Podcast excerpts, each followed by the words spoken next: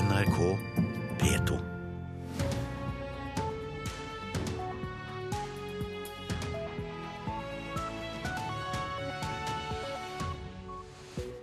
Velkommen til Nyhetsmorgen. Klokka er 6.30. I studio nå Anne Jetlund Hansen, og dette er hovedsakene våre. Flere ledere i opprørsgruppen Taliban skal være i Norge for å ha samtaler med representanter for den afghanske regjeringen. En kald forsommer gjør at mange nå løper til reiseoperatørene for å kjøpe sydenferie, selv om planen var å redusere feriebudsjettet. Jeg tror det er så mye penger blant folk at de reiser når de vil. Og Bergensordfører Trude Drevland gjør det vanskeligere for kritikerne når hun forteller så mye om privatlivet sitt. Det mener ekspert på politisk kommunikasjon Eirik Knutsen. Med å trekke fram disse hendelsene i privatlivet, så blir hun veldig uangripelig. Ja, vi starter med at flere Taliban-ledere nå skal være i Norge. Det er en talsmann for opprørsgruppen som sier dette til den amerikanske fjernsynskanalen NBC News. Også afghanske myndigheter sier at det pågår samtaler med Taliban i Oslo. Den afghanske regjeringen bekrefter at en delegasjon har reist til Norge, men vil ikke si hva bakgrunnen er. Ifølge NBC News skal hensikten være å få til fredssamtaler mellom Taliban og afghanske myndigheter. Samtalene skal vare i to dager, ifølge kanalen. Representanter for Taliban har også vært i Norge tidligere. Norsk UD har over lengre tid jobbet med å få til samtaler mellom partene i Oslo. Og det sa reporter Liv Rønnaug Lille Aasen. Etter mange år med vekst så tydet mye på at vi ville kutte i feriebudsjettet i år. Hver fjerde nordmann sa i en undersøkelse utført for Sparebank1-gruppen at de ville bruke mindre penger på ferie i år enn i fjor. Men etter en kald mai så er det tydeligvis vanskelig å la være. Folk strømmer til reiseoperatørene og kjøper sydenferie. Du har jo Sønneving på I år skal jeg til Kroatia. Jeg skal til Portugal to ganger. vi har nettopp vært på cruise. Så har vi tenkt en biltur i Norge i slutten av juli. Disse rogalendingene stadfester det Beatrice Rivera i turoperatøren Apollo opplever i disse kalde tider.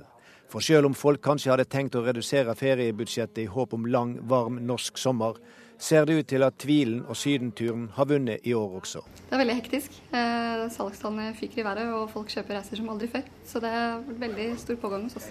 Dette står i sterk kontrast til det svaret folk har gitt i en undersøking gjort for Sparebank1-gruppen. Der sa hver fjerde nordmann at de vil kutte i feriebudsjettet. Og i Rogaland, fylket som kanskje opplever nedgangen i norsk økonomi og faren for arbeidsplasser sterkest, der sa hver tredje spurte at de vil redusere pengebruken i sommer. Det virker ikke slik på de vi møter. Jeg tror det er så mye penger blant folk at de reiser når de vil. Tross nedgangstider? Ja.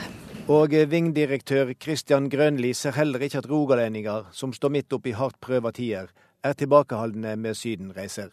Ja, det er ganske overraskende, egentlig. Vi hadde kanskje forventet at salget skulle falle, men tvert imot så er Stavanger-regionen spesielt kanskje en av de sterkeste denne sommeren her. Hvordan forklarer du dette? Jeg tror at uh, folk skal ha ferie uansett. Og når man ser at det har vært den kaldeste våren i manns minne mange steder, så tenker folk som så at vet du hva, jeg skal i hvert fall ha én uke med sol og sommer. Og så uh, begynner de å søke, og så ringer de og så bestiller de. For de skal ikke ta noen sjanse på at sommerferien blir ødelagt.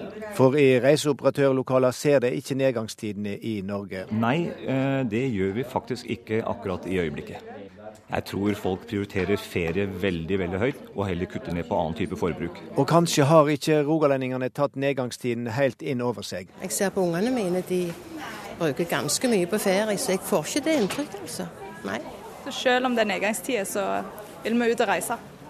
Folk snakker gjerne om at når nå må vi begynne å bruke ved, men jeg føler ikke at de gjør det. Og reportere her det var Kjersti Hetland og Bjørn Atle Gildestad. Og senere i dag så skal finn.no presentere en undersøkelse gjennomført av Norstat om nettopp nordmenns eh, reisevaner. PR- og informasjonssjef Lene Kallum i Finn, eh, god morgen. God morgen. Du, er du overrasket over at så mange kjøper sydenturer så tett opp mot sommerferien? Tja, eh, det er jo en del som sitter på gjerdet og venter en stund. Vi hadde en veldig god sommer i fjor og året før. Så det kan hende at uh, noen har uh, ventet litt ekstra lenge med å bestille, men så plutselig så fikk vi en veldig kald mai. Og da strømmet det på med bestillinger på Finn og andre tjenester. Dere mener at nordmenn ser på seg selv som sofistikerte sydenturister, men at dette kanskje ikke helt stemmer med virkeligheten? Det stemmer. Eh, med det så mener vi at de mest populære reisemålene er jo Hellas og Spania om sommeren, med Kreta og Mallorca i spissen.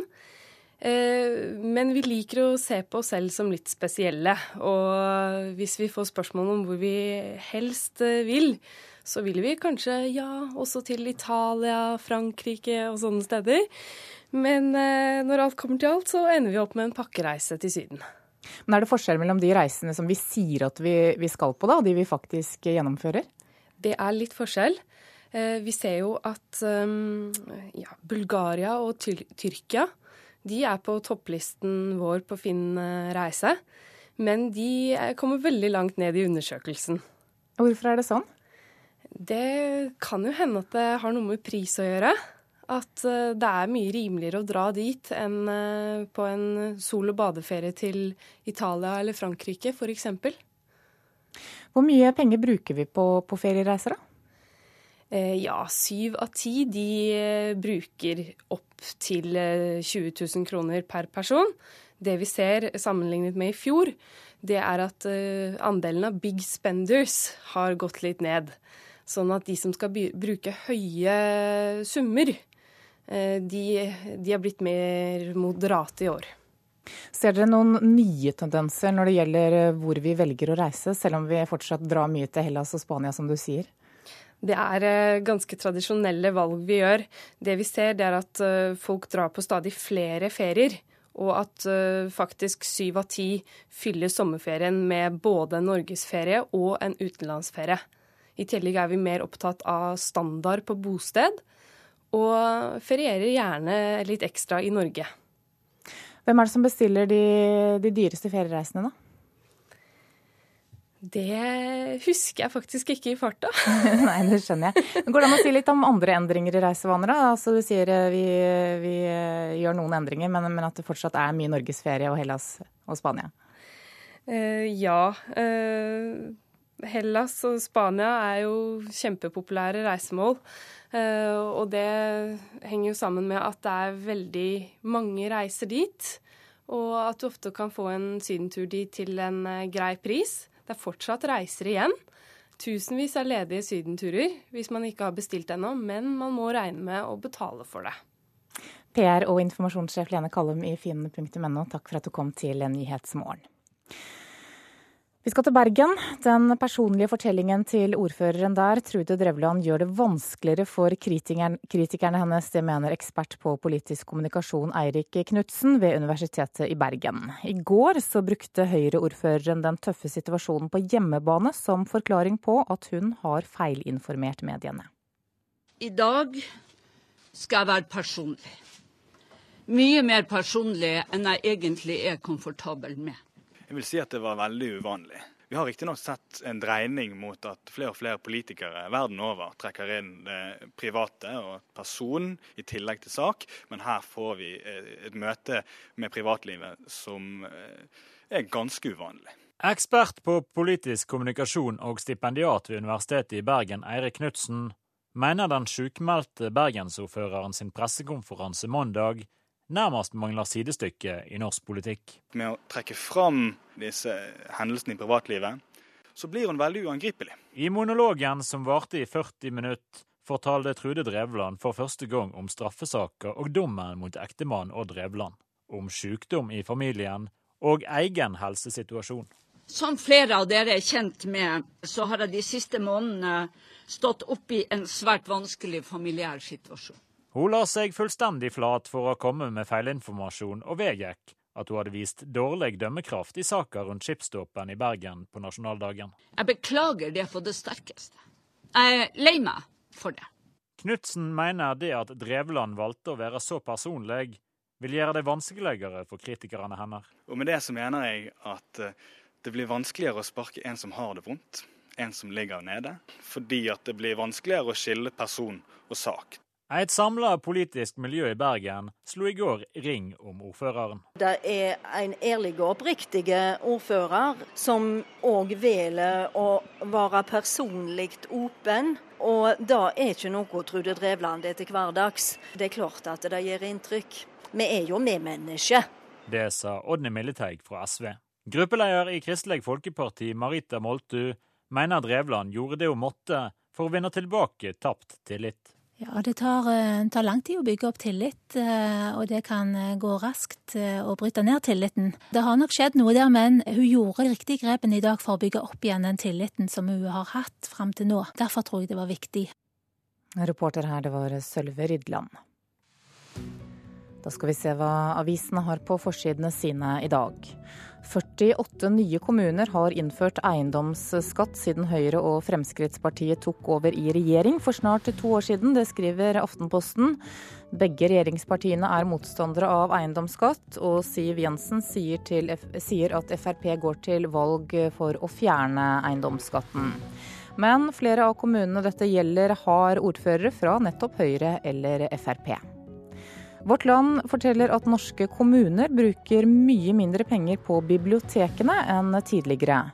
Siden 2001 har en femdel av de ansatte forsvunnet, og lederen i Norsk bibliotekforening mener bibliotekene er viktige møteplasser, og også viktig av demokratiske prinsipper. Hun ber nå politikerne om å mobilisere.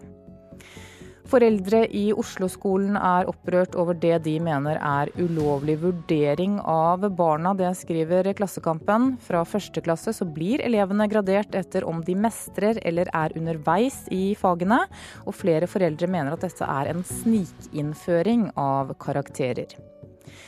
Coop vurderer å kutte ut små grønnsaksprodusenter og flytte store deler av grønnsaksproduksjonen til Østlandet. Det er Nasjonen som forteller dette. Hensikten er å spare penger. Barnas hemmelige nettliv, det er overskriften på Dagbladets forside. Åtte av ti barn bruker sosiale medier hver eneste dag. Og førsteamanuensis Elisabeth Staksrud ved Universitetet i Oslo sier mange av barna opplever at de er mer seg selv på nettet enn i den virkelige verden. Finansavisen skriver at rift om sentrumslokaler gir skyhøy leiepris for luksusbutikker i hovedstaden. Prisene for de beste lokalene kommer fort opp i 25 000 kroner kvadratmeteren. Det sier eiendomsdirektør Martin Tråseth i Eiendomsspar. VG gir deg tips om hvordan du kan leve med migrene, mens eh, samferdselsministeren får skryt i Dagsavisen i dag. NHO-direktør Erling Sæther mener Ketil Solvik-Olsen er i ferd med å bli den beste samferdselsministeren etter eh, krigen.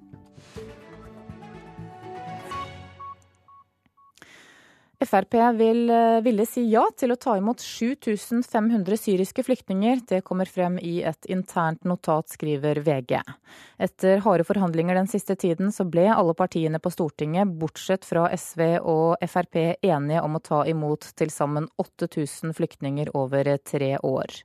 Notatet er datert 4.6, dagen før Frp valgte å trekke seg fra forhandlingene. Skal vi ha sport. Norge tok seg videre til åttendelsfinale uten å imponere stort mot Elfenbenskysten i fotball-VM i går kveld. Landslagstrener Even Pellerud medgir at eh, det norske landslaget sliter med å styre kamper.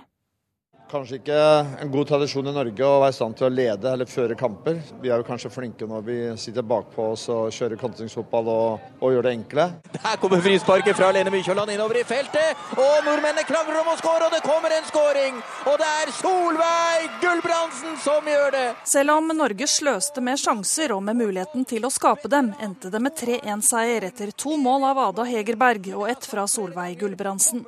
Og sistnevnte syntes det ble en vanskelig kamp. Nei, I dag var det ikke sånn kjempestemning. og Det er noe med at kanskje følelsen er at vi skulle ønske at vi fikk til eh, bedre ting utpå der. Men uh, som jeg sier, det er en vanskelig kamp. Sånn Fysisk sett så er, vi, er, de vel kanskje nesten bedre enn oss, hvis ikke vi er på lik linje. Da. Så Det er en helt annen måte å spille på. De mannsmarkerer, det er en del andre ting. Så, men vi burde vel klart å ja, satt spikeren i kista litt tidligere. Norge er dermed klare for åttedelsfinale etter gårsdagens seier. Maren Mjelde er enig i at Norge til tider slet med å få spillet til å fungere. Nå velger hun å se fremover mot neste kamp. Jeg tror det blir veldig lett sånn i sånne siste gruppespillskamper når man på en måte er som Man er jo klar for videre spill. Eh, og da blir jo det litt sånn. Så jeg tror ikke vi skal Vi skal absolutt ikke grave oss ned pga. en sånn kamp som dette. Det er seier er seier, og nå må vi bare tenke på neste kamp. Det er foreløpig ikke klart hvem Norge møter i åttendelsfinalen førstkommende mandag. Reporter her, det var Hilde Liengen. Klokka har passert 6.45 nå. Du hører på Nyhetsmorgen, og dette er hovedsakene våre. Taliban skal være i Oslo for å forhandle med den afghanske regjeringen. Hver fjerde nordmenn, nordmann sier at de vil bruke mindre penger på sommerferie i år enn i fjor, men det er ikke alltid vi gjør som vi sier. Og følg oss videre. Veving er i vinden. Det sier både interiørstylister og kunstkritikere. I Hongkong fortsetter demonstrasjonene mot regjeringens forslag til valgreform. Forslaget skal sendes over til byens lovgivende forsamling senere i uken, og protestleder Joshua Wong sier til NRK at han ikke tror reformen kommer til å bli vedtatt. Actually, I think there's zero possibility for the package to be passed. But uh, if it's really passed, I believe they will have next have a new direct action or civil disobedience again. Yeah. Det er absolutt ingen sjanse for at denne reformen blir vedtatt, mener Joshua Wong. Og hvis det likevel skulle skje, vil vi studenter på nytt gå til direkte aksjoner og bruke sivil ulydighet, sier den 18 år gamle gutten som nå er nektet innreise i flere asiatiske land etter at han ble en lederskikkelse for demokratiprotestene her i Hongkong i fjor. Joshua Wong ledet en bevegelse som mobiliserte over 100 000 mennesker i gatene for noen måneder siden. I går kveld sto han og hørte på appeller fra en liten scene nedenfor Hongkongs parlamentsbygning, og når sant skal sies, var det omtrent like mange TV-kameraer som demonstranter. Our aim, and this assembly, our aim is just vote down the package. Actually, while all of the det eneste målet vårt nå er at valgreformen blir nedstemt. Alle de pandemokratiske parlamentarikerne har forpliktet seg til å stemme nei. Og Derfor er jeg sikker på at reformen ikke går igjennom. Det er også grunnen til at det ikke er så mange ute i gatene lenger. Folk er trygge på at dette ikke blir vedtatt. Det er Joshua Wongs forklaring på at Hongkong denne gang foreløpig ikke er lammet av et folkehav. Men det er denne uken det gjelder. Torsdag skal valgreformen, forslaget fra Beijing om å la to-tre forhåndsgodkjente kandidater stille til valg her i 2017, stemmes over i bygningen bak oss. Påstandene flyr om at pandemokrater som lenge har kjempet for fullstendig frie valg, nå er lovet hundrevis av millioner kroner i bestikkelser for å snu stemmekortet sitt. Hongkong-politiet arresterte også ni mennesker i går og beslagla sprengstoff og våpen Politiet sier de ni tilhørte en radikal politisk gruppe og planla et attentat før avstemningen. You know, the whole world, the globe is watching Hong Kong. Whoever made the change in the pan-democracy side will become a betrayer, big betrayer for Hong Kong and all Chinese. Hele verden følger med på Hongkong nå, mener Elaine Ho, som har vært med å demonstrere for frie valg siden starten. Hvis noen av pandemokratene nå skifter side, vil de bli sett på som forrædere av alle kinesere i hele verden som kjemper for demokrati, mener hun.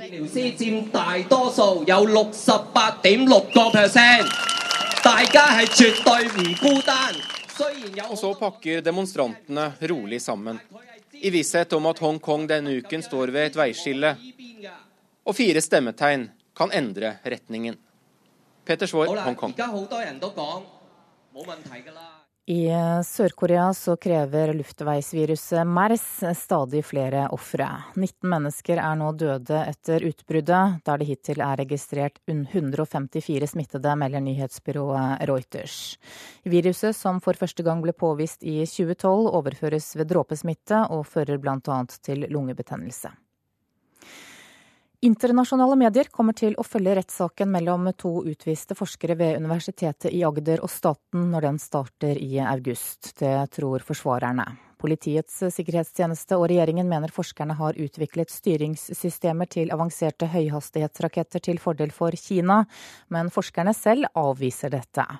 Dermed går forskerne til rettssak for å få omgjort vedtaket, men forsvarerne tror også medieinteressen skyldes storpolitikk. Jeg er jo varsla om at det vil være internasjonale medier til stede, skulle jeg si, i den grad det er mulig. Nå kan de jo ikke være til stede i selve saken, men, men at de vil dekke saken, det har vi fått beskjed om. Sier advokat Nils Anders Grønås. CNN, New York Times, Washington Post og franske aviser er noen av dem som har vært i kontakt med advokat Arild Homlen. Han representerer en professor som er utvist. Det er jo flere medieselskaper som har, har, vist interesse og uh, gitt uttrykk for at de ønsker å sende både filmteam og journalister til Norge i tilknytning til av, altså avholdelsen av saken og hovedforhandlingen, men det gjenstår jo å se.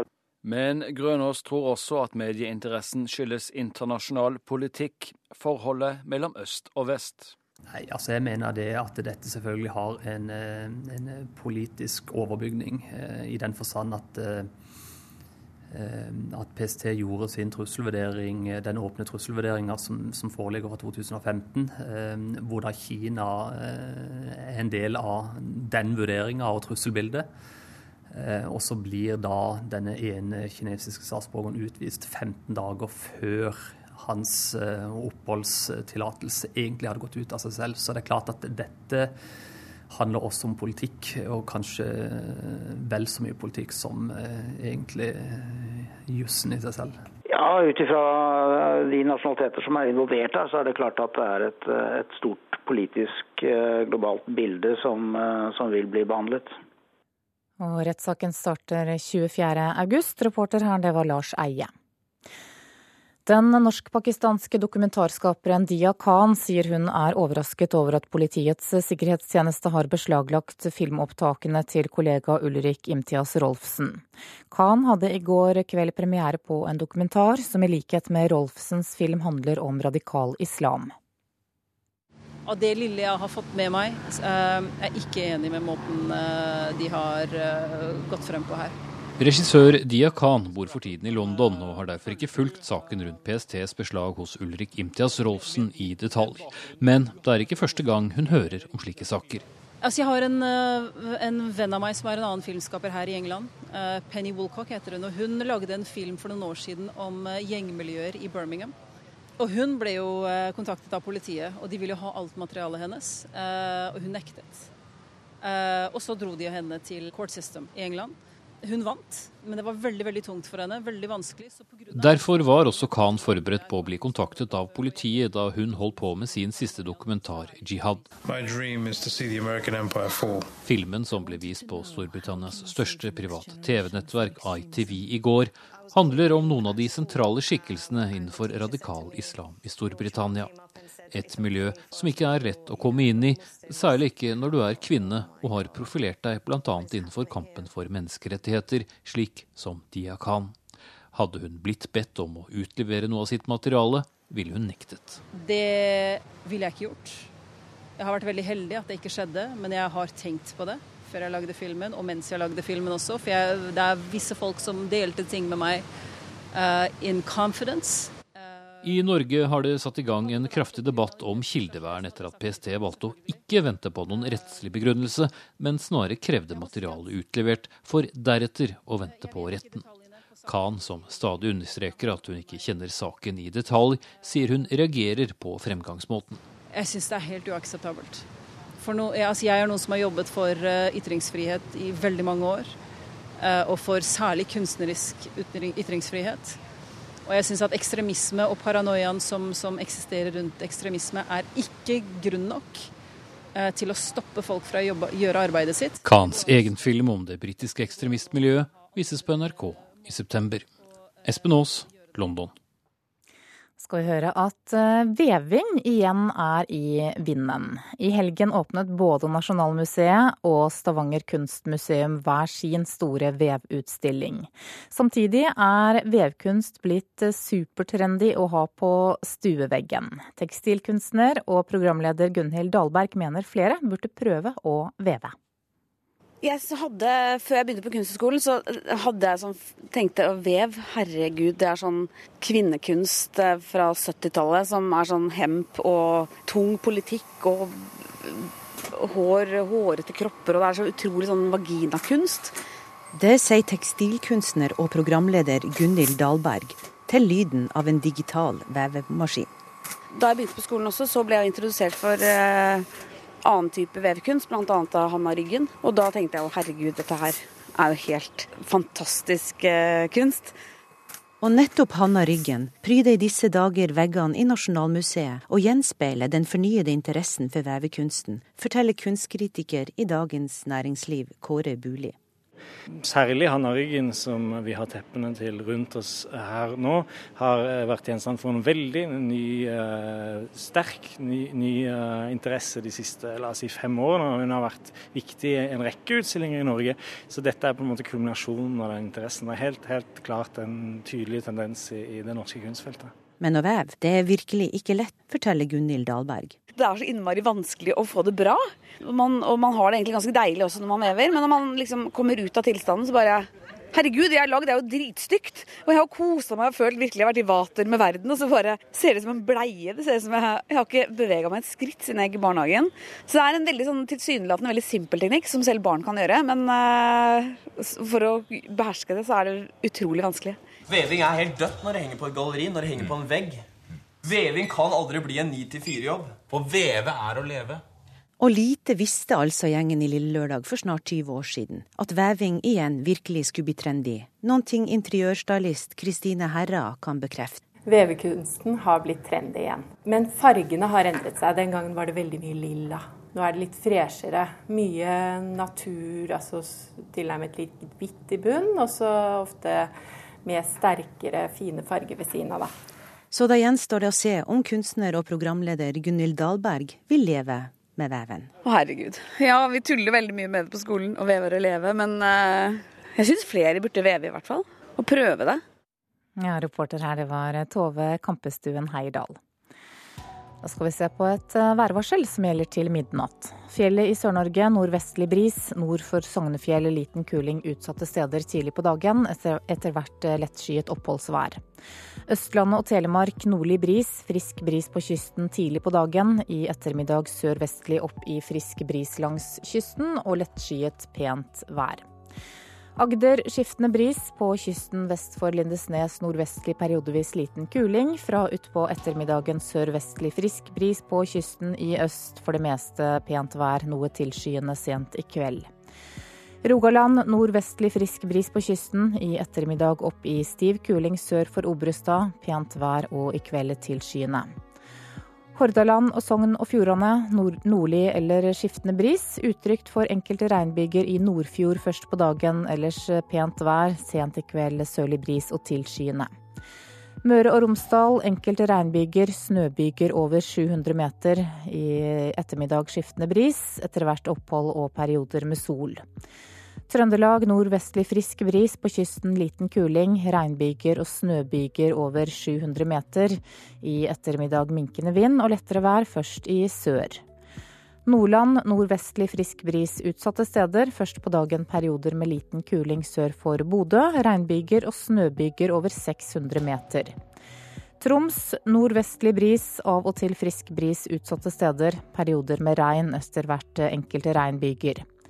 Finnmark i Vest-Finnmark og på vidda nordlig frisk bris. Utsatte steder. I Øst-Finnmark økning til nordøstlig opp til stiv kuling. Regn av og til. I øst lokalt mye nedbør, og i kveld noe lettere vær. Og på Nordensjøland på Spitsbergen er det ventet bris omkring nordvest. I kveld frisk bris i vest. Stort sett opphold og perioder med sol. Så tar vi med temperaturene som ble målt klokka fem. Da hadde Svalbard og Kirkenes fem grader, Vardø seks, Alta sju, Tromsø åtte. Bodø sju, Brønnøysund seks, Trondheim sju. Molde og Bergen seks, Stavanger og Kristiansand og Gardermoen sju. Lillehammer fire, Røros to og Oslo-Blindern ni grader. NRK P2.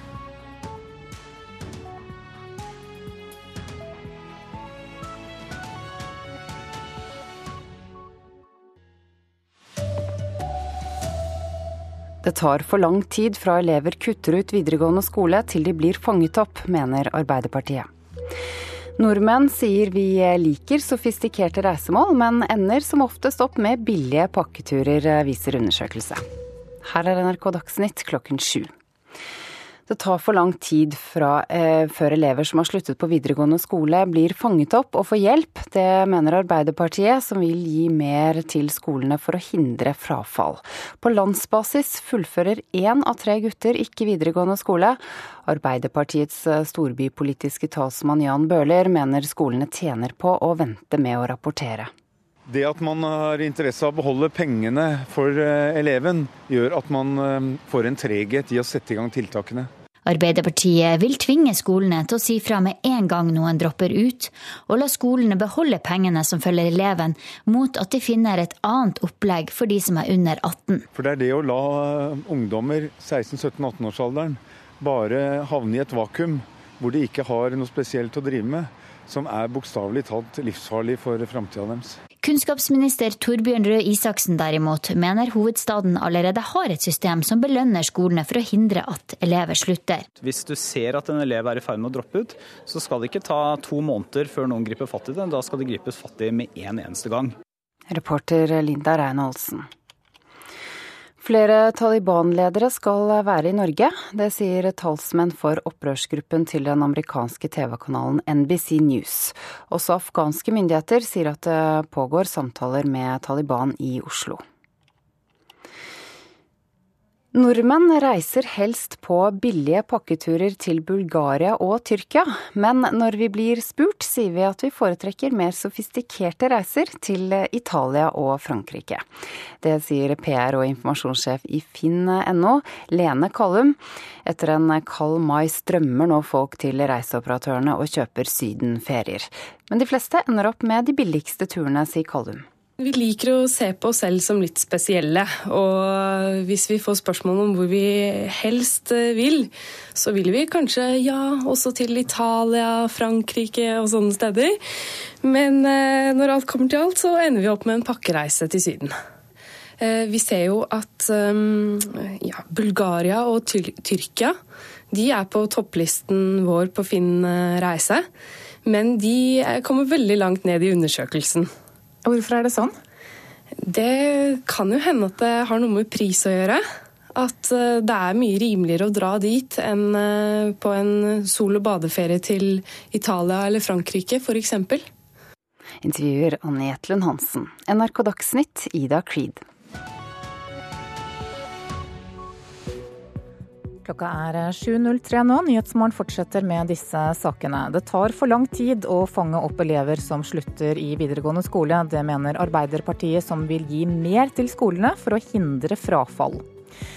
Flere ledere i opprørsgruppen Taliban skal nå være i Norge for å ha samtaler med representanter for den afghanske regjeringen. Utenriksministeren er på vei inn i studio her i Nyhetsmorgen, og da skal vi forhåpentligvis få flere detaljer.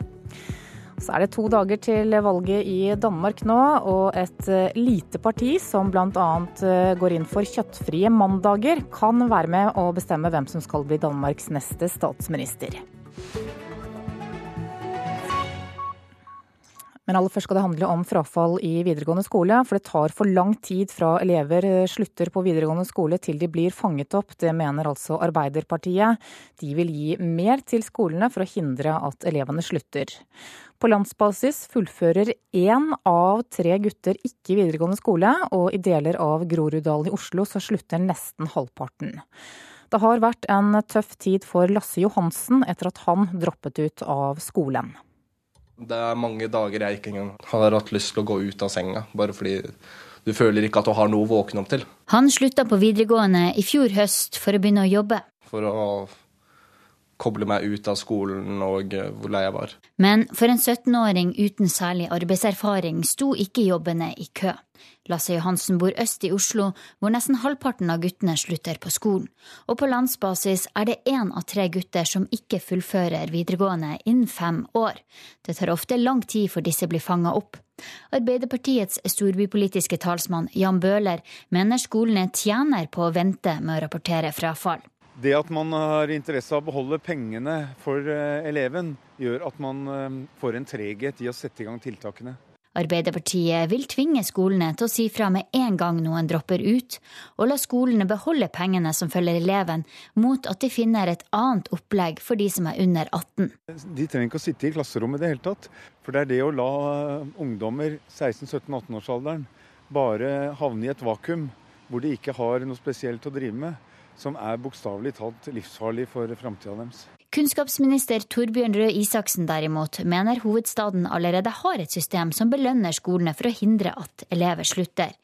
Oslo-skolene må rapportere tre ganger i året, mot kun én gang per år andre steder i landet. Men frafall skal rapporteres med en gang. Hvis du ser at en elev er i ferd med å droppe ut, så skal det ikke ta to måneder før noen griper fatt i det. Da skal det gripes fatt i med en eneste gang. Eh, og Det mener jeg også er en god grunn til å vurdere om vi skal ha et nasjonalt krav, en nasjonal eh, hva skal man si, grense rett og slett, for når et tiltak må settes inn. Å spille i band har holdt Lasse Johansen oppe. Han skulle likevel ønske at han fikk hjelp til å finne seg jobb. Du føler deg ikke verdsatt når du slutter på skolen, og så blir det ikke noe mer ut av det. Lasse Johansen har likevel ikke tenkt å forbli en del av den dystre frafallsstatistikken til Groruddalen. Til høsten skal han tilbake på skolebenken. Reporter her, det var Linda Reinholdsen. Påtroppende leder Kristoffer Hansen i Elevorganisasjonen, god morgen. God morgen. Er du enig med Arbeiderpartiet her i at skolene lar være å si fra fordi de vil beholde pengene som følger eleven? Ja, vi har en stykkprisfinansiering av elever i dag, i, i spesielt i Oslo-skolen, som gjør at elever i dag blir telt flere ganger i løpet av året. Og det er jo rett som han da sier, at skolen får en motivasjon til å la være å melde fra frafall. Og det er et problem. Ja, Men vet dere at det er sånn? Ja da, det vet jeg at det er sånn. Og, og det er når også elever velger å bytte skole midtveis i skoleåret, så taper jo også skolen penger. Og det er jo sånn at En skole må ansette lærere i august når de skal se gjennom hele løpet. Og når de da mister lønn til lærerne sine midtveis i skoleåret, så skaper det også veldig store økonomiske problemer for skolen. Så veldig mye med denne finansieringsordninga er et problem for elevene. Så hører vi kunnskapsministeren her ta til orde for en nasjonal grense for å rapportere om eh, frafall. Hva syns du om det? Jeg synes Det er litt komisk når disse to herrene her står og krangler og er så nøye på om man skal rapportere med en gang eller om man skal rapportere to måneder senere, og så går de sport i det. Det vi vet, det er jo at frafall Årsaken til frafall den inntreffer jo allerede mye tidligere. Altså Det er jo på ungdomsskolen at elever sånn mentalt faller fra skolen. Og at man da skal være så nøye på den der ene eller andre måneden i VG2, det blir litt komisk. Og da har de misforstått litt hva frafall egentlig er, tror jeg. Ja, Hva mener du er viktigst da, for å hindre frafall? Eh, det vi ser av de, de store årsakene til frafall, nå er det her veldig sammensatt, så skyldes jo det bl.a. Eh, for dårlig karriereveiledning. At elever velger feil. Man vet ikke helt hva man går til når man begynner på videregående. Som igjen gjør at vi må ha flere rådgivere i ungdomsskolen. Men det handler igjen kun om tidlig innsats, fordi som jeg sier, så er det sånn at man faller mentalt ifra på ungdomsskolen pga. vanskelige år i ungdomsskolen, og da blir man skolelei. Og da er det jo også, som Jan Bøhler sier, vanskelig å sitte i en teoritung skole når man egentlig trenger eh, å ha variert undervisning og ha andre opplegg. Men når de først begynner på videregående, da, hva, hva er viktigst da? Er det å få disse elevene til å bli på skolen, eller er det å finne alternativer til dem?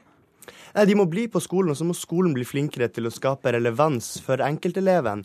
Men så vet vi også at hvis skolen får de økonomiske midlene de trenger, og ikke blir fratatt midlene midtveis i året, så vil det også være mye enklere for skolen å gi den tilpassa undervisninga. Fordi den krever jo penger fra skolens side. Det er jo ikke nye tall dette her, men det høres jo utrolig høyt ut at bare én av tre gutter, eller at én av tre gutter ikke fullfører videregående skole. Hva forteller elever som sliter til, til dere? Altså, De tallene her har vært like ille helt siden jeg ble født for 20 år siden, og det ser ikke ut som at vi når noen nye eh, statistikker med det første. Men det de sier til oss, det er at det er så ulike årsaker til at de faller fra. Og da trenger man å sette inn ressurser på å skaffe gode støtteapparater rundt enkelteleven. Fordi vi kan ikke lage noen standardiserte tiltak her. Her må vi se hver enkelt elev og de årsakene til at hver enkelt elev faller fra. Men det er jo ikke bare skolen som har ansvaret her, da. Hva med foreldre og ikke minst elevene selv? Nei, selvsagt har både eleven sjøl, foreldrene og også lokalsamfunnet et ansvar for at man eh, gjør så godt man kan på skolen.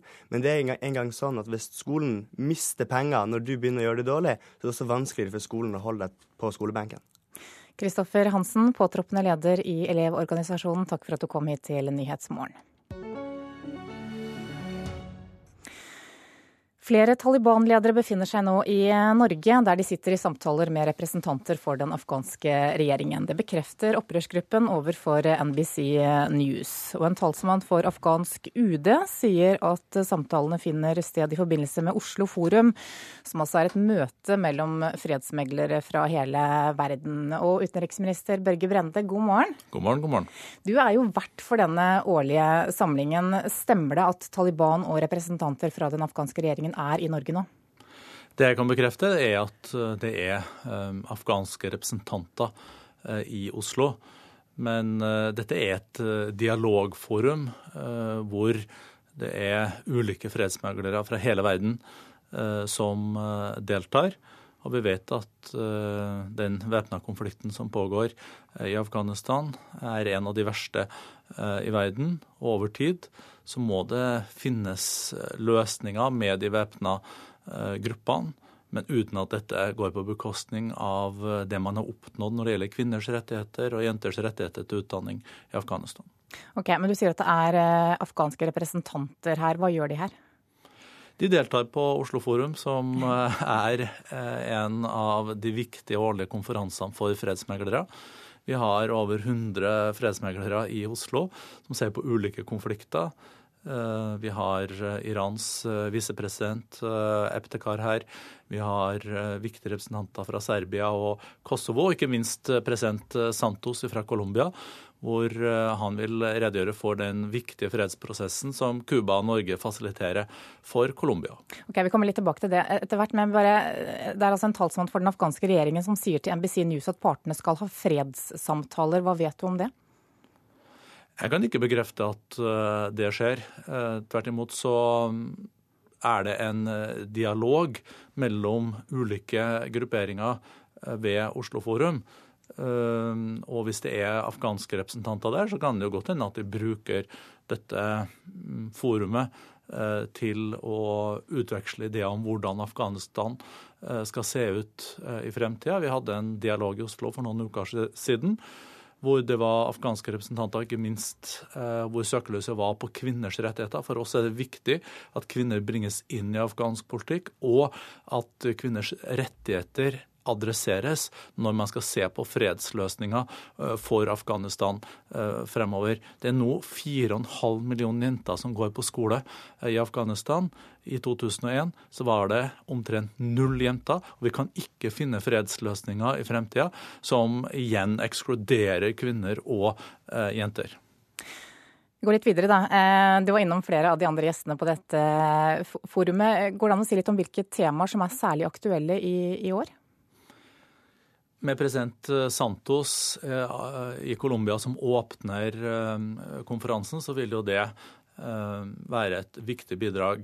Vi vet at den borgerkrigslignende tilstanden som har vært i Colombia i 50 år, har medført at hundretusenvis av mennesker har blitt drept. Over sju millioner mennesker internt fordrevne flyktninger. Hvis man kan få til en eh, god avtale mellom FARC-geriljaen og eh, den colombianske eh, myndighetene, så kan vi få slutt på en av de verste borgerkrigene i verdenshistorien, og den lengstvarende i Latin-Amerika.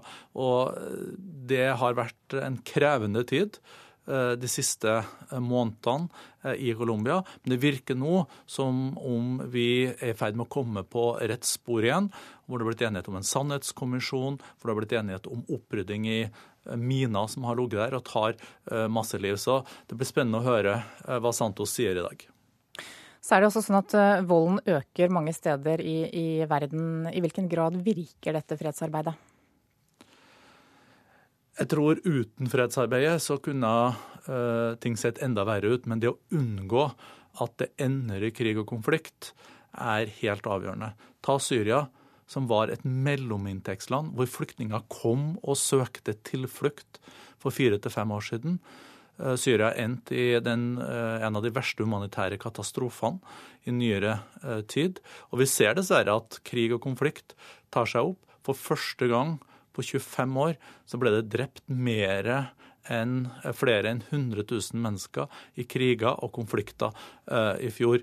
Slik at eh, det bildet vi står overfor nå, er veldig vanskelig. Libya, Irak, eh, Syria, hele Sahel med Mali, eh, og vi vet også Nigeria med Boko Haram. Så eh, det er et eh, verdensbilde som er mer prega av ekstremisme, vold, enn noen gang. og Derfor så er det enda viktigere at disse fredsmeglerne eh, lykkes i sitt arbeid. Sier jeg lykke til, og lykke til med Oslo Forum utenriksminister Børge Brende. Da skal vi til USA, for i går så ble Jeb Bush den tolvte som kastet seg inn i kampen om å bli republikanernes presidentkandidat. Og for mange så er han favoritten. Men det er mange om beinet, og nominasjonskampen kan komme til å vare helt til neste sommer, slik kampen mellom Barack Obama og Hillary Clinton gjorde i 2008.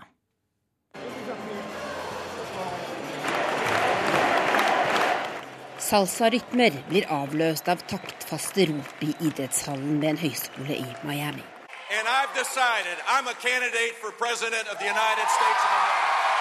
Floridas populære guvernør fra 1999 til 2007 blir møtt med enorm jubel i en forsamling der mange har spansk som morsmål.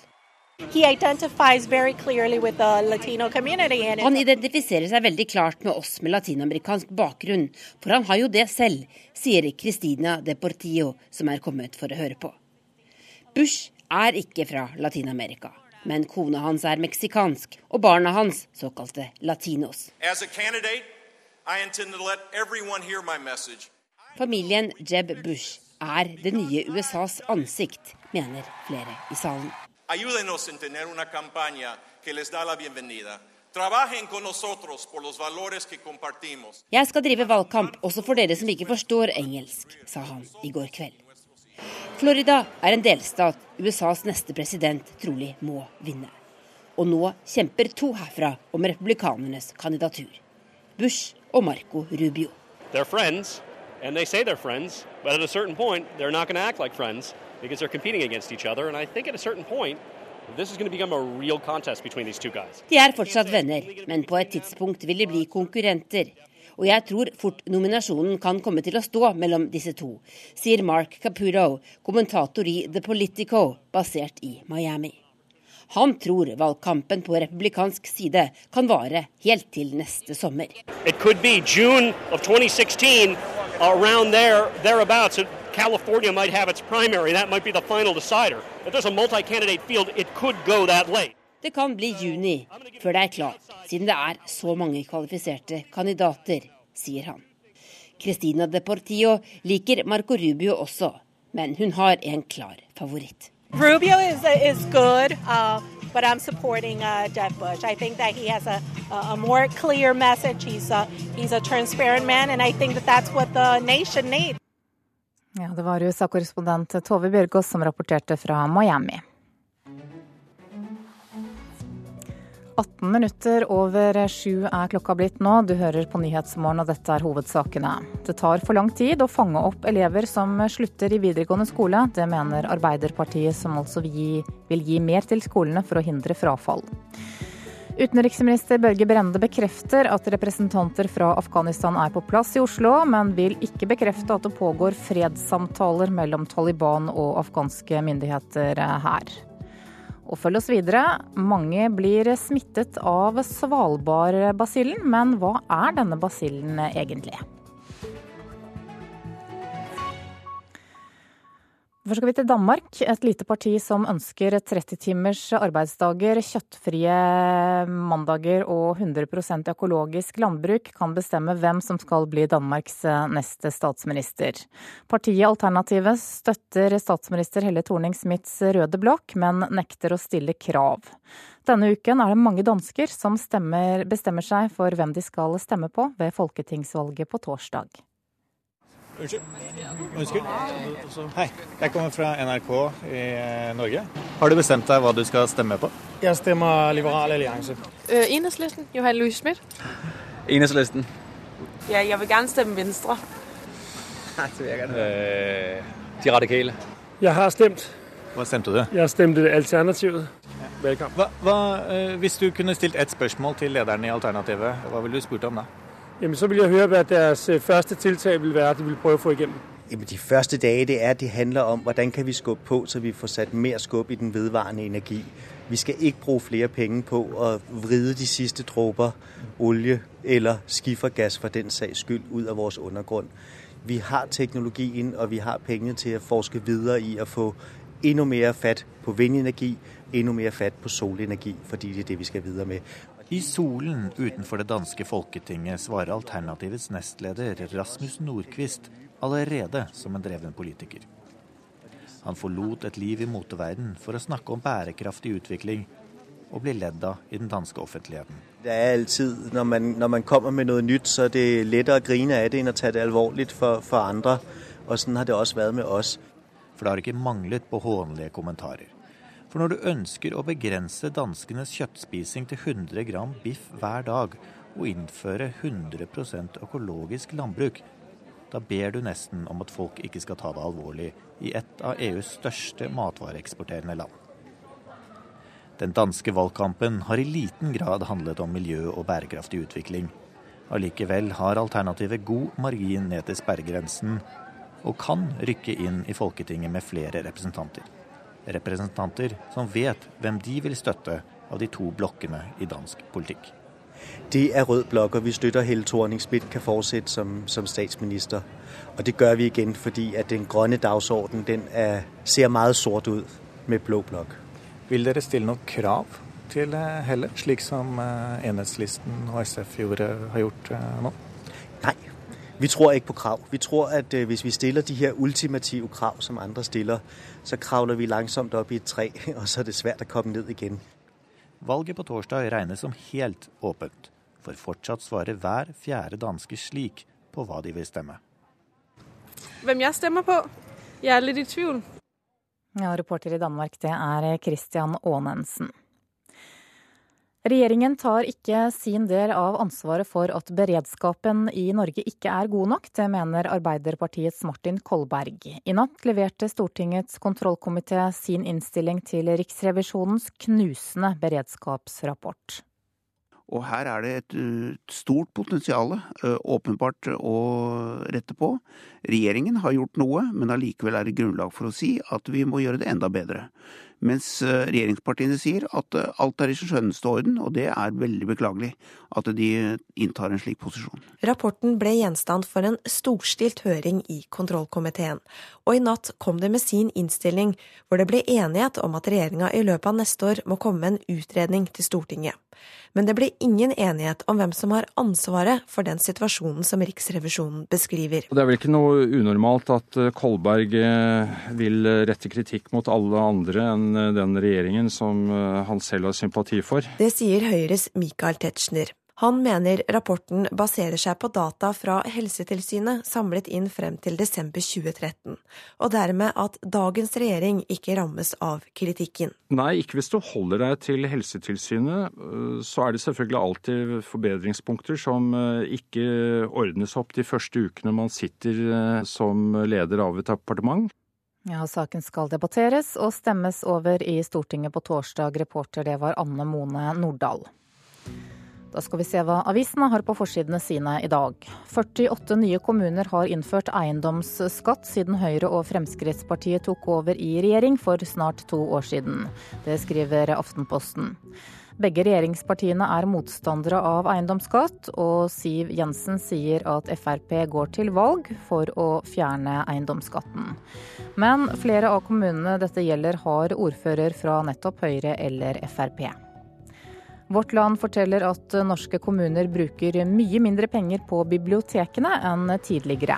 Lederen i Norsk bibliotekforening mener bibliotekene er viktige møteplasser, og også viktige av demokratiske prinsipper. Og hun ber politikerne om å mobilisere.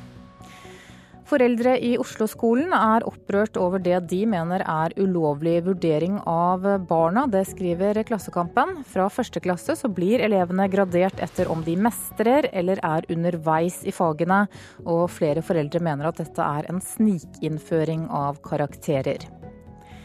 Coop vurderer å kutte ut små grønnsaksprodusenter og flytte store deler av grønnsaksproduksjonen til Østlandet. Det er Nasjonen som forteller dette, og hensikten er å spare penger. Barnas hemmelige nettliv, det er overskriften på Dagbladets forside. Åtte av ti barn bruker sosiale medier hver dag, og førsteamanuensis Elisabeth Staksrud ved Universitetet i Oslo sier mange av barna opplever at de er mer seg selv på nettet enn i den virkelige verden. Finansavisen skriver at rift om sentrumslokaler i hovedstaden gir skyhøy leiepris for luksusbutikker. Prisene for de beste lokalene kommer fort opp i 25 000 kroner kvadratmeteren, sier eiendomsdirektør Martin Tråseth i Eiendomsspar. VG gir deg tips om hvordan du kan leve med migrene, mens samferdselsministeren får skryt i Dagsavisen i dag. NHO-direktør Erling Sæther mener Ketil Solvik-Olsen er i ferd med å bli den beste samferdselsministeren etter krigen. Hvis du snakker med fastboende på Svalbard, så kan nesten alle fortelle at de egentlig bare skulle være der for en periode. Likevel så endte mange opp med å bli der i år etter år. Mange blir nemlig smittet av svalbardbasillen. Men hva er denne basillen egentlig? Jeg begynte i tredje klasse. Det var skummelt å være ny her oppe, men det var veldig imøtekommende. Og ja, godt fellesskap i klassen. og det var alle liksom, tok så godt vare på hverandre. Aina Malerud hun hadde ikke noe valg da foreldrene hennes bestemte seg for å flytte fra Tromsø til Svalbard i 2004. Men nå er hun 19 år og snart ferdig med videregående. Likevel velger hun å bli i Longyearbyen, og har fått seg jobb som servitør på Rabalder kafé og bakeri. Jeg må jo flytte på et eller annet tidspunkt, for jeg må jo ned og gå på skole og studere videre på universitet osv. Men jeg har en sånn mistanke om at jeg blir enda opp her oppe når jeg får egne unger. Og jeg har på en måte lyst til at ja, mine unger skal oppleve det her. Og lære seg å sette pris på ja, for det første det å bo på så liten plass, og at du har alt så nærme. Og så er det jo naturen og alt det fine med det.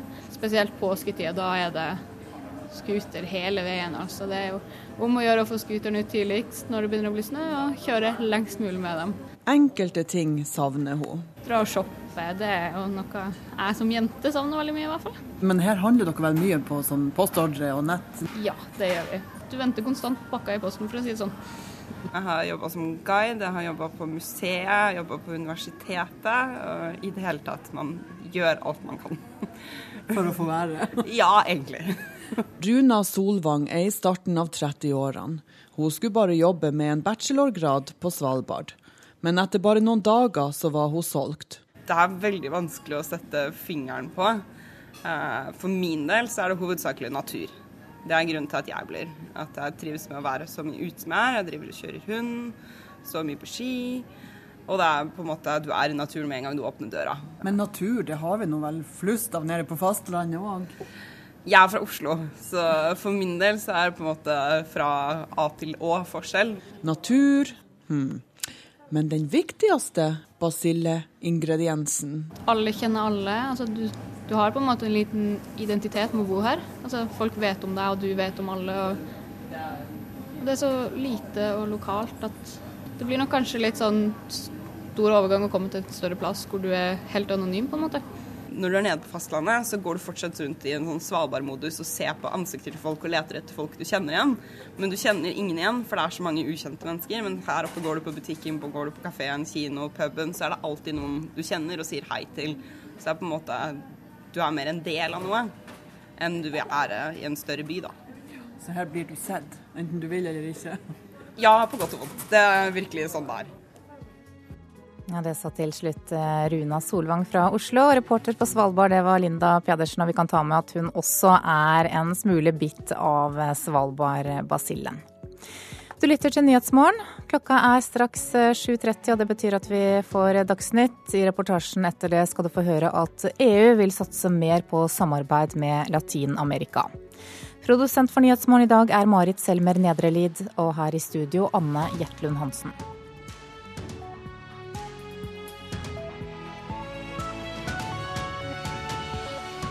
NRK P2. Afghanske ledere er i Norge, utelukker ikke samtaler med Taliban. Det tar for lang tid fra elever gir opp videregående utdanning til de blir fanget opp, mener Arbeiderpartiet. Og hver fjerde nordmann sier de vil bruke mindre penger på sommerferie i år enn i fjor, men det er ikke alltid vi gjør som vi sier. Her er NRK Dagsnytt klokken 7.30. Afghanske representanter er i Norge i forbindelse med Oslo Forum, et møte mellom fredsmeglere fra hele verden. Opprørsgruppen Taliban sier til NBC News at deres representanter er i Norge, der de har samtaler med representanter for den afghanske regjeringen. Utenriksminister Børge Brende sier det pågår samtaler, men vil ikke si hvem de ulike partene representerer.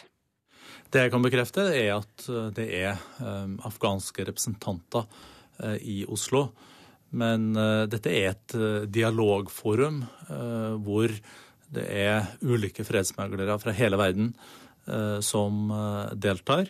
Og vi vet at den væpna konflikten som pågår i Afghanistan, er en av de verste i verden. Og over tid så må det finnes løsninger med de væpna gruppene men uten at dette går på bekostning av det man har oppnådd når det gjelder kvinners rettigheter og jenters rettigheter til utdanning i Afghanistan. Sa utenriksminister Børge Brende. Det tar for lang tid fra elever slutter på videregående skole til de blir fanget opp. Det mener Arbeiderpartiet, som vil gi mer til skolene for å hindre frafallet. På landsbasis fullfører én av tre gutter ikke videregående skole. I deler av Groruddalen i Oslo slutter nesten halvparten. Det har vært en tøff tid for Lasse Johansen etter at han sluttet på skolen. Det er mange dager jeg ikke engang har hatt lyst til å gå ut av senga, bare fordi du føler ikke at du har noe å våkne opp til. Han slutta på videregående i fjor høst for å begynne å jobbe. For å koble meg ut av skolen og eh, hvor lei jeg var. Men for en 17-åring uten særlig arbeidserfaring sto ikke jobbene i kø. Lasse Johansen bor øst i Oslo, hvor nesten halvparten av guttene slutter på skolen. Det tar ofte lang tid før disse blir fanga opp. Arbeiderpartiets storbypolitiske talsmann Jan Bøhler mener skolene tjener på å vente med å rapportere frafall. Det at man har interesse av å beholde pengene for eh, eleven, gjør at man eh, får en treghet i å sette i gang tiltakene. Arbeiderpartiet vil tvinge skolene til å si fra med en gang noen dropper ut, og la skolene beholde pengene som følger eleven, mot at de finner et annet opplegg for de som er under 18. De trenger ikke å sitte i klasserommet i det hele tatt. For det er det å la ungdommer 16-17-18-årsalderen bare havne i et vakuum hvor de ikke har noe spesielt å drive med, som er bokstavelig talt livsfarlig for framtida deres. Kunnskapsminister Torbjørn Røe Isaksen derimot mener hovedstaden allerede har et system som belønner skolene for å hindre at elever slutter. Men frafall skal rapporteres med en gang. Hvis du ser at en elev er i ferd med å droppe ut, så skal det ikke ta to måneder før noen griper fatt i det. Da skal det gripes fatt i med en eneste gang. Eh, og Det mener jeg også er en god grunn til å vurdere om vi skal ha et nasjonalt krav, en nasjonal eh, hva skal man si, grense rett og slett, for når et tiltak må settes inn. Reporter her var Linda Reinholdsen. Mange av Fremskrittspartiets tillitsvalgte raser fordi Høyre og de andre partiene vil ta imot 8000 syriske flyktninger. Men et notat VG har fått tak i, viser at Fremskrittspartiet var villige til å ta imot 7500 på fire år. Parlamentarisk leder Harald T. Nesvik kommenterer dette slik. Det var bare et eksempel på ei, når det gjelder ei, videre fremføring av det tallet som er i dag. Det ser jo ut som det bare er noen få hundre i forskjell på det som står i VG-saken og det som faktisk ble fasit i forliket. Nei, det er ikke. at uh, Dette er jo bare et, eh, et, arbeidsutkast. Dette er ikke noen endelig avtale. Men dette ville vært et, i så fall, da, hvis det hadde blitt en realitet etter man hadde vært til gruppene sine, så ville det for Fremskrittspartiets side vært et endelig tall et totaltall. Fremskrittspartiets og Høyres notat av 4.6 viser at de kunne ta imot 7500 flyktninger fra Syria i perioden 2015 til 2018. Det er bare 500 færre enn forliket på Stortinget tilsier, men over en periode på fire år og ikke tre år, som forlikspartiene på Stortinget avtalte. Fremskrittspartiet sa nei til stortingsforliket om å ta hit 8000 syriske flyktninger. Ja, det sa reporter Hedvig Bjørgum. I går kastet Jeb Bush seg inn i kampen om å bli republikanernes presidentkandidat i USA. Og for mange er han eh, favoritten. Men eh, det er mange om beinet, og nominasjonskampen kan komme til å vare helt til eh, neste sommer.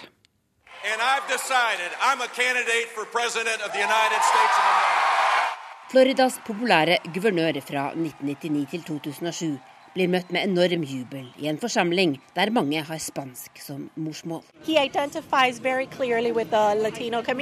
Han identifiserer seg veldig klart med oss med latinamerikansk bakgrunn, for han har jo det selv, sier Cristina Deportillo, som er kommet for å høre på. Bush er ikke fra Latin-Amerika, men kona hans er meksikansk, og barna hans såkalte latinos. Familien Jeb Bush er det nye USAs ansikt, mener flere i salen.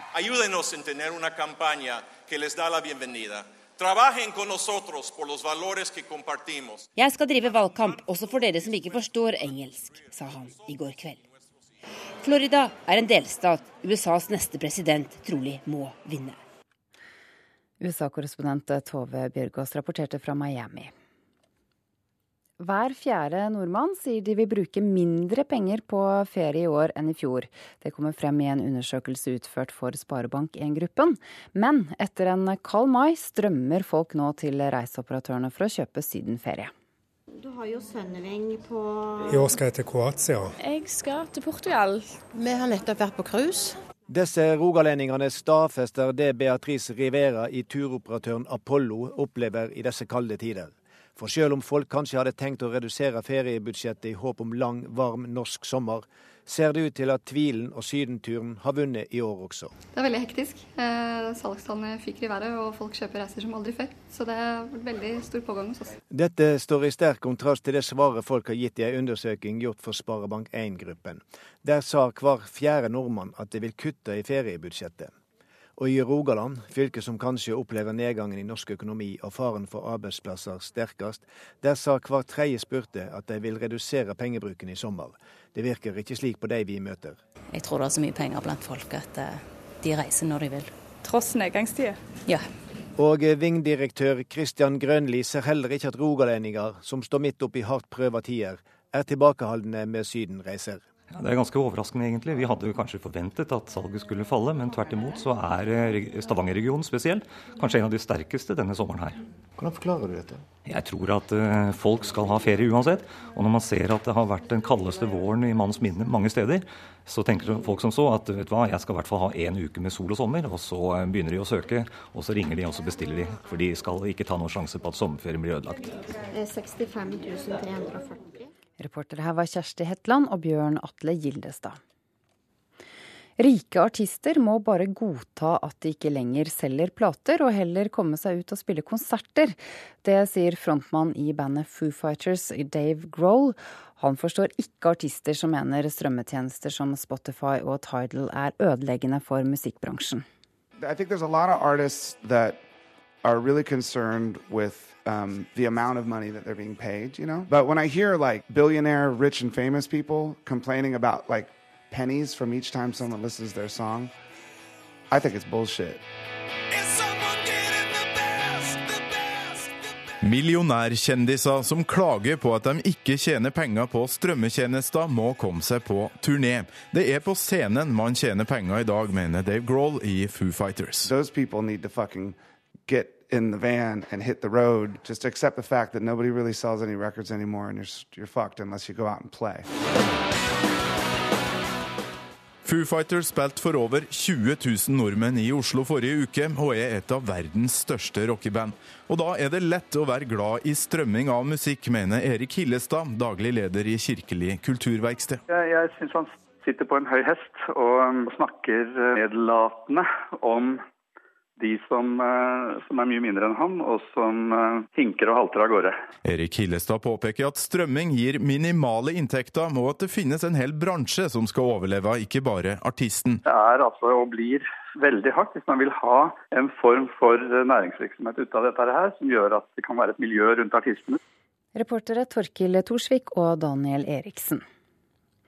Ansvarlig for dagsnyttsendingene Dagsnytt-sendingene denne morgenen er Elin Pettersen. Teknisk ansvarlig er Hanne Lunås. Jeg heter Ida Creed.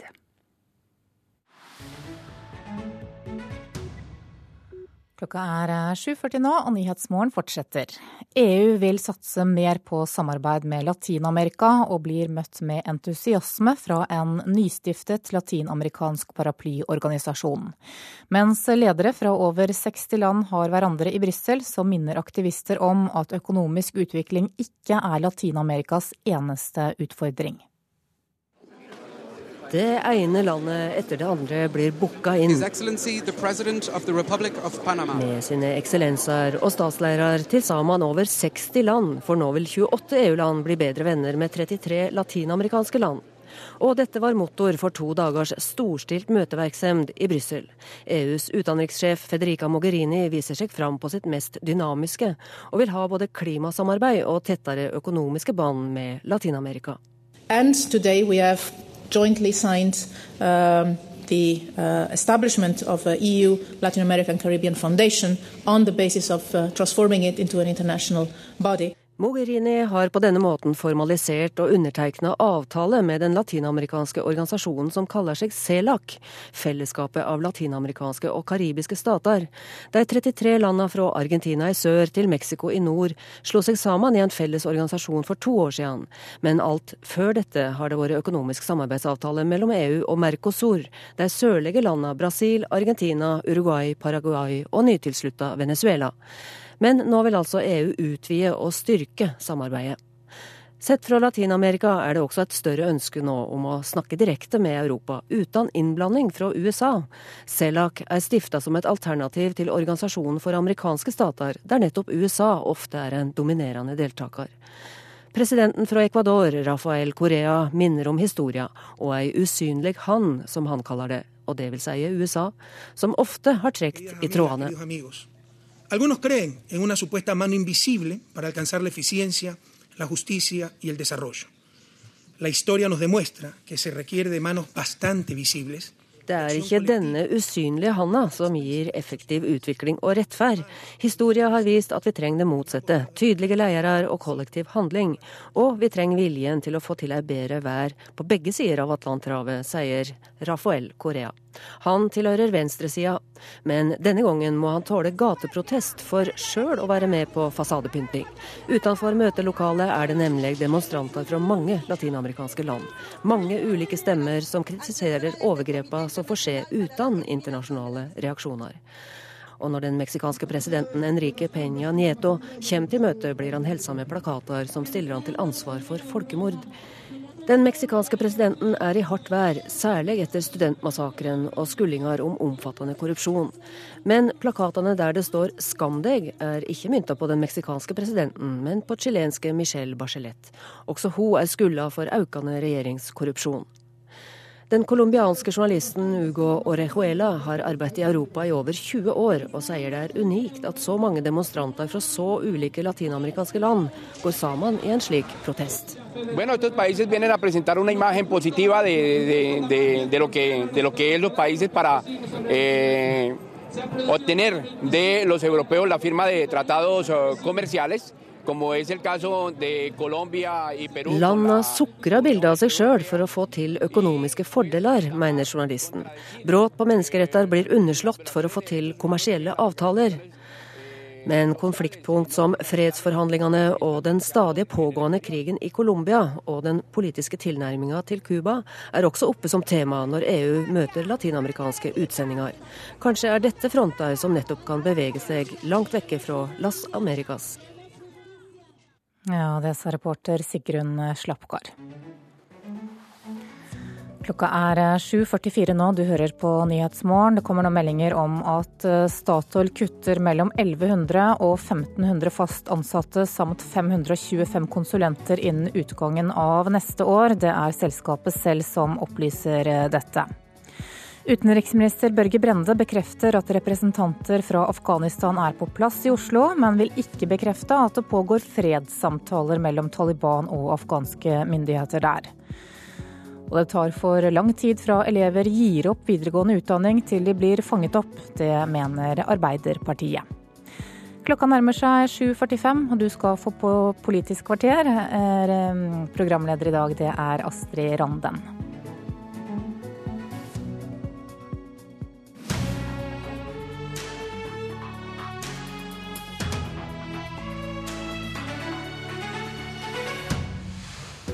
Frp var villige til å ta imot 7500 Syria-flyktninger over fire år. Hvor går egentlig grensa for hva partiet mener er totalt uansvarlig? Og gi hver kommune sitt eget vinmonopol, sier SV. Nei, svarer Frp. God morgen, du hører eller ser på Politisk kvarter. Frp var altså villige til å ta imot 7500 flyktninger over fire år. Det kommer fram i et dokument fra Syria-forhandlingene som VG publiserer i dag.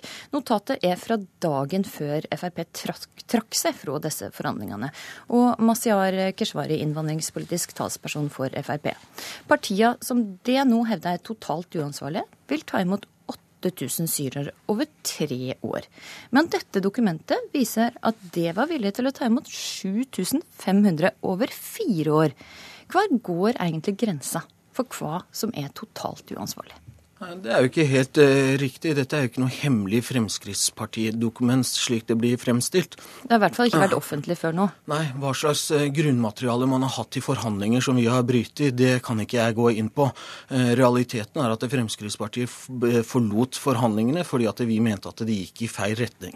Samtidig så viser dette dokumentet, og Nesvik bekrefta på radioen i dag tidlig, at det var villig til å ta imot 7500 over fire år. Det Nesvik har bekreftet, er at vi var villige til å se på total kvoteflyktninger over en lengre periode, og det ville vært betydelig lavere. Men som sagt, så gikk vi fra de forhandlingene fordi vi mente at de gikk i gal retning og kunne ikke akseptere det. Eh, og de tallene som fremkommer der, er heller aldri behandlet av noen organ i Fremskrittspartiet. Men kan du si noe om når det blir helt uakseptabelt for Frp? Siden det ikke er så stor forskjell på disse to tallene. Nei, fordi at Jeg går ikke god for de tallene som aldri er eh, behandlet i noen organ i Fremskrittspartiet. Verken Fremskrittspartiets stortingsgruppe leder Tom Nesvik. Verken Fremskrittspartiets stortingsgruppe, landsstyre, landsmøte, ingen organ i Fremskrittspartiet har behandlet de tallene. Men det ville det vært oss, uansvarlig? Mener du at 7500 over fire år ville vært totalt uansvarlig, det også? Jeg mener at det viktigste er at vi tar imot i henhold til det vi har kapasitet til, og det har vi fått noen indikasjoner til, på gjennom spørsmålet som Solveig Horne har sendt til samtlige kommuner i Norge. Ikke, nå svarer du ikke helt på spørsmålet. Jo, jeg gjør det. Altså, Vi i Fremskrittspartiet har bestandig vært opptatt av at vi skal ta imot mennesker i henhold til det vi har kapasitet til. Og Da må vi se på realitetene. Og Det er jo det som er utgangspunktet for den debatten vi har i dag og er her. Eh, Fremskrittspartiet har aldri vært imot å ta imot eh, kvoteflyktninger og ta vår del av eh, det ansvaret. Snarere tvert imot. Vi har alltid løftet fram kvoteflyktninger, for det er reelt forfulgte mennesker. Men, Men mener du det ville vært uansvarlig å ta imot 7500 kvoteflyktninger fra Syria over fire år? Jeg har ikke behandla det tallet noen sted, så jeg kan ikke sitte her og nå og fortelle om det er ansvarlig eller ikke. Da er vi nødt til å se på eh, okay. helheten. Greit. For det vi ikke må glemme, er at kvoteflyktninger som skal bosettes, kommer på toppen av alle asylsøkerne som også har fått opphold og skal bosettes. Og vi vet at det er mange tusen mennesker som har fått opphold og fortsatt befinner seg på mottak. Ok, Nå skal vi snakke litt framover, for resultatet blei altså ikke det Frp ønska, men 8000 eh, syrere over tre år. Og hva mener Frp bør skje med de ordinære kvoteflyktningene fra andre land? i denne perioden? Eh, antall kvoteflyktninger vi skal ta imot eh, i årene fremover, er jo et resultat av de budsjettforhandlinger vi har med våre samarbeidspartnere KrF og Venstre. Så det konkrete antallet må vi komme fram til der. Men det er jo ikke noe tvil om at når man tar imot et så stort antall mennesker, så vil det gå utover eh, hvor mange vi kan ta imot fra andre steder som også eh, trenger beskyttelse. Eh, for som sagt så kommer de 8000 eh, kvoteflyktningene fra Syria på toppen av alle de asylsøkerne som også får opphold og skal bosettes. Og vi vet at kommuner sliter med å bosette eh, mennesker som har fått opphold. De som befinner seg på mottakene har fått opphold, er vi alle sammen enige om skal bosettes. Og denne regjeringen har gjort rekordmye og forespurt faktisk alle kommuner om å bidra. Og når kommunene ikke gjør det, så er det ikke fordi de ikke har omsorg, nestekjærlighet eller bryr seg om disse menneskene. Det er fordi at kapasiteten er sprengt i norske kommuner. Men det mener også at vi bør ta imot færre kvoteflyktninger fra andre land pga. at vi får denne ekstraordinære kvota fra Syria? Ja, Det er jo en naturlig konsekvens av at man øker kvoten fra et bestemt land. Og dette kommer på toppen av alle asylsøkerne da som eh, også skal bosettes. Det har vi skjønt. Eh, ikke sant? Det er, jo, okay. det er jo en eh, fysisk kapasitet i et land på fem millioner mennesker. Det er jo ikke sånn at man kan ta imot uendelig med mennesker. Ok. Dagrun Eriksen, nestleder i KrF.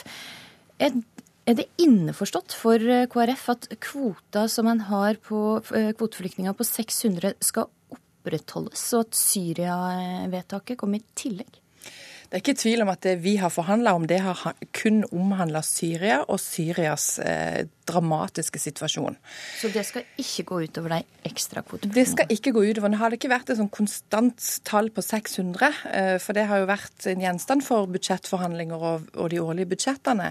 Men det vi har vært veldig tydelige på, både gjennom forhandlingene og kommunisert nå etterpå, er at vi klarer ikke å se hva kommer vi til å få av kriser i verden framover. Det kan oppstå andre. Vi vet at Sør-Sudan har en stor utfordring nå. Det er andre kriser som FN karakteriserer som like alvorlige som Syria-krisa.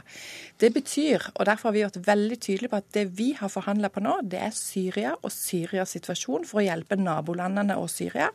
Det betyr at vi kommer til å være veldig tydelige på at vi må ta vår del av resten av kvoteflyktningene også når vi kommer til budsjettforhandlingene. Ok, Keshvari, dette var jo litt forskjellig fra det du sier. Eh, Ja, vi har uh, ulikt standpunkt, og som sagt så skal vi komme fram til antallet gjennom forhandlingene vi har med KrF og Venstre i forbindelse med budsjettene. Men det endrer ikke realitetene. At når du tar imot så mange mennesker eh, fra et eh, bestemt sted, så vil det gå utover kapasiteten på hvor mange du kan ta imot fra andre steder. Eh, altså, eh, De gjennomgangene som bl.a. NRK har hatt, viser jo at selv eh, der eh, KrF-ordførerne styrer, så klarer de kun å bosette ca. halvparten av det staten ber dem om eh, allerede i dag. Før disse 8000 kvoteflyktningene har kommet. Og da er det ikke realistisk å skulle forvente at man skal kunne bosette disse 8000 på toppen av alt det man er nødt til å bosette i dag, og i tillegg ta imot flere. Og det er kanskje greit å også minne om at i gjennomsnitt så har man jo eh, tatt imot et sted mellom 800-900 og 1000 kvoteflyktninger i året. Annet under Bondevik-regjeringen.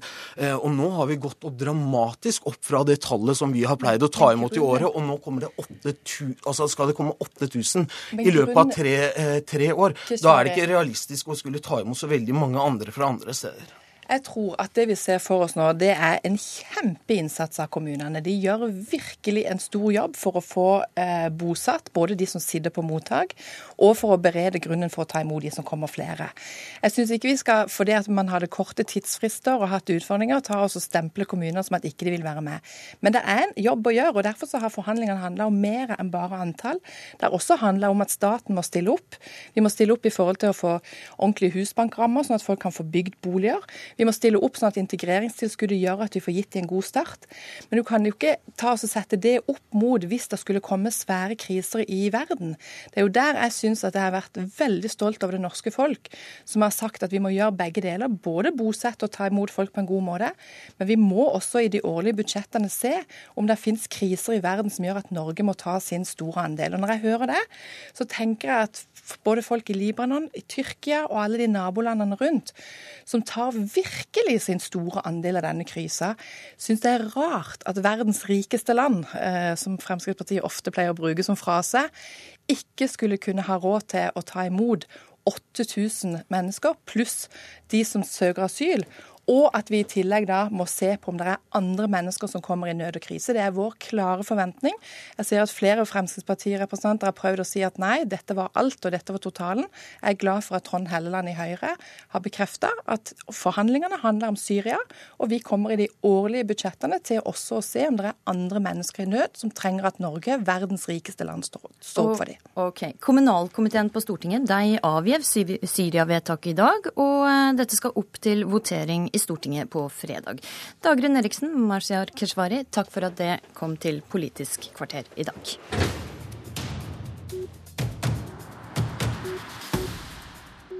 Bør hver kommune få sitt eget pol? Ja, mener SV, som vil at folk i sentrale strøk skal betale litt mer for vin og sprit, slik at alle kommuner som vil, kan få sitt eget vinmonopol.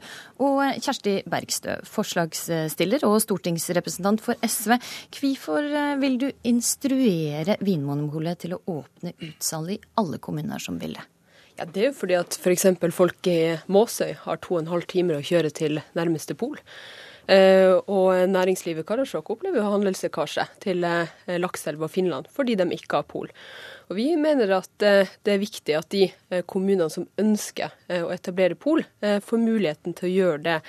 Det handler om at valgfrihet for kommunene og hva man skal ha i lokalsamfunnene sine, ikke skal være knytta til sentrale strøk, men være likt over hele landet. Vi vil at folk skal bo over hele landet, og vi vil at det skal være godt å bo over hele landet. Og Da kan det være relevant å etablere pol i kommunene. Og det er i dag om lag 100 kommuner som ikke har pol. Men grunnen... Og som ønsker det. Det er mange flere som ikke har pol, men det er 100 som, som ønsker, ønsker å ha pol i dag, ja. Mm. Men grunnen til at det ikke er pol på f.eks. på Utsira, er vel at det er vanskelig å få det til å lønne seg når det er 212 innbyggere på øya. Men det tror altså at folk i sentrale strøk er villige til å betale litt mer for vin og sprit for å hjelpe distriktene. Ja, altså nå er det sånn at Tallene fra Vinmonopolet er eh, veldig bra. Eh, og det er også sånn at de eh, etableringene som har blitt gjort eh, mind på mindre plasser, eh, faktisk har gått bedre enn mange hadde trodd. Eh, de går med overskudd. og det Polet sier, er at noen ut av de her kommunene som ønsker pol, vil kanskje slite med tallene.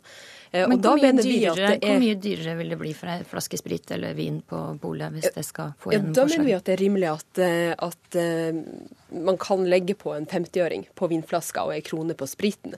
Og det tror jeg også at folk er med på, et sånt solidarisk spleiselag, for at man skal ha Eh, også pol eh, i distriktene. For det her handler jo om at når vi har et vinmonopol, ja, så må vi jo sørge for at det er tilgjengelig, at det beholder sin legitimitet. Vin og spritsalg i hver eneste norske kommune, det høres ut som god Frp-politikk. Likevel så stemmer det imot. Eh, Morten Wold, du har ansvaret for alkoholpolitikk i Frp. Hvorfor stemmer det imot? I utgangspunktet så ønsker jo Frp eh, vinsalg i, i, i butikk eh, f.eks., men nå er vi eh, i en regjering som styrer på en samarbeidsavtale med flere partier, og i den så heter det at hovedlinjene i norsk alkoholpolitikk ligger fast. Eh, det, vil, det, betyr et eh, sterkt vinmonopol, men også et vinmonopol som styrer etter helt vanlige markeds- og bedriftsøkonomiske prinsipper. Det vil si at å åpne pol i bitte, bitte, bitte små kommuner ikke er økonomisk regningssvarende og vil, vil være med å svekke polet. Du nevnte sjøl Utsira. Eh, altså Hvis de skal oppfylle kravene til salg i såkalt eh, kategori 1-pol, så må de 212 innbyggerne hver kjøpe ca. 123 liter eh, alkohol i året. Så er det sånn altså, at, eh, at 92 1 av befolkningen bor i kommuner med vinmonopol, mens 96 bor i, i, i, kommuner med mindre enn 30 km avstand. Så sånn sett, så Det er bakgrunnen for at vi eh, stemmer ned forslaget. Så de fleste har god tilgang til et vinmonopol? De fleste har veldig god tilgang. Ikke så nøye med de som bor langt unna? Jo da, men Polet har, Polet har også en veldig god nettordning som gjør at alle kan bestille de varene de ønsker fra Polet. Og jeg må si at Vi oppfatter jo dette forslaget fra SV som litt eh, lettere populistisk inn mot eh, valgkampen. Dette er helt, helt nye toner fra SV. De har alltid vært opptatt av en meget restriktiv alkoholpolitikk. Og når, hvis en skal etablere konkurrerende pol i, i, nærheten av hverandre, så vil kanskje det polet som akkurat går sånn noenlunde, få en konkurrent som gjør at begge to vil svekkes. Og da vil den få to pol som går med underskudd, fremfor ett som går med et lite overskudd. Frp beskylda SV for eh, populistisk alkoholpolitikk. Ja, og det er, jo, eh, det er jo artig. fordi spriten har aldri vært dyrere enn med Frp i regjering. Men de vil ikke engang at den skal være tilgjengelig. Og det er jo problematisk. Men SV er jo venner av Vinmonopolet. Vi ønsker at Vinmonopolet skal bestå. Da må det ha legitimitet kvalitet, og da må det være tilgjengelig. Vi ønsker ikke vin i butikkene, sånn som Frp gjør. Eh, og Det er viktig å ha et vinmonopol og en regulert alkoholpolitikk både for folkehelsa, for å dempe etterspørsel etter hjemmebrent og smuglesprit. Eh, I tillegg så det, eh, kan det være viktig eh, for folk å ha pol i nærheten der de bor. Og det er jo ikke et spørsmål om, om hvor mange prosent som bor utafor et område med pol. Det er snakk om at det er faktisk mennesker som har to og en halv, tre timer å kjøre til nærmeste pol. De opplever ikke posten som god nok, og da vil vi at de skal ha muligheten til å etablere. Kan ikke vi betale 50 øre for vinflaska, Ball? Det regnestykket der vil jeg like å se. Men eh, vi er opptatt av eh, at prisene skal være fornuftige. Og de høye norske alkoholprisene er med på å øke smugling og grensehandel. Så det forslaget fra SV om å øke prisene syns jeg er ufornuftig. Ok, Og dette forslaget kommer altså til å bli stemt over i Stortinget i dag. Og dessverre for eh, Bergstø og vinglade folk i Måsøy, så blir det nok nedstemt. Kirsti Bergstø fra SV, Morten Wold fra Frp, takk for at det kom til Politisk kvarter. Denne sendinga er slutt. I studio i dag var Astrid Randen. Hør flere podkaster på nrk.no podkast.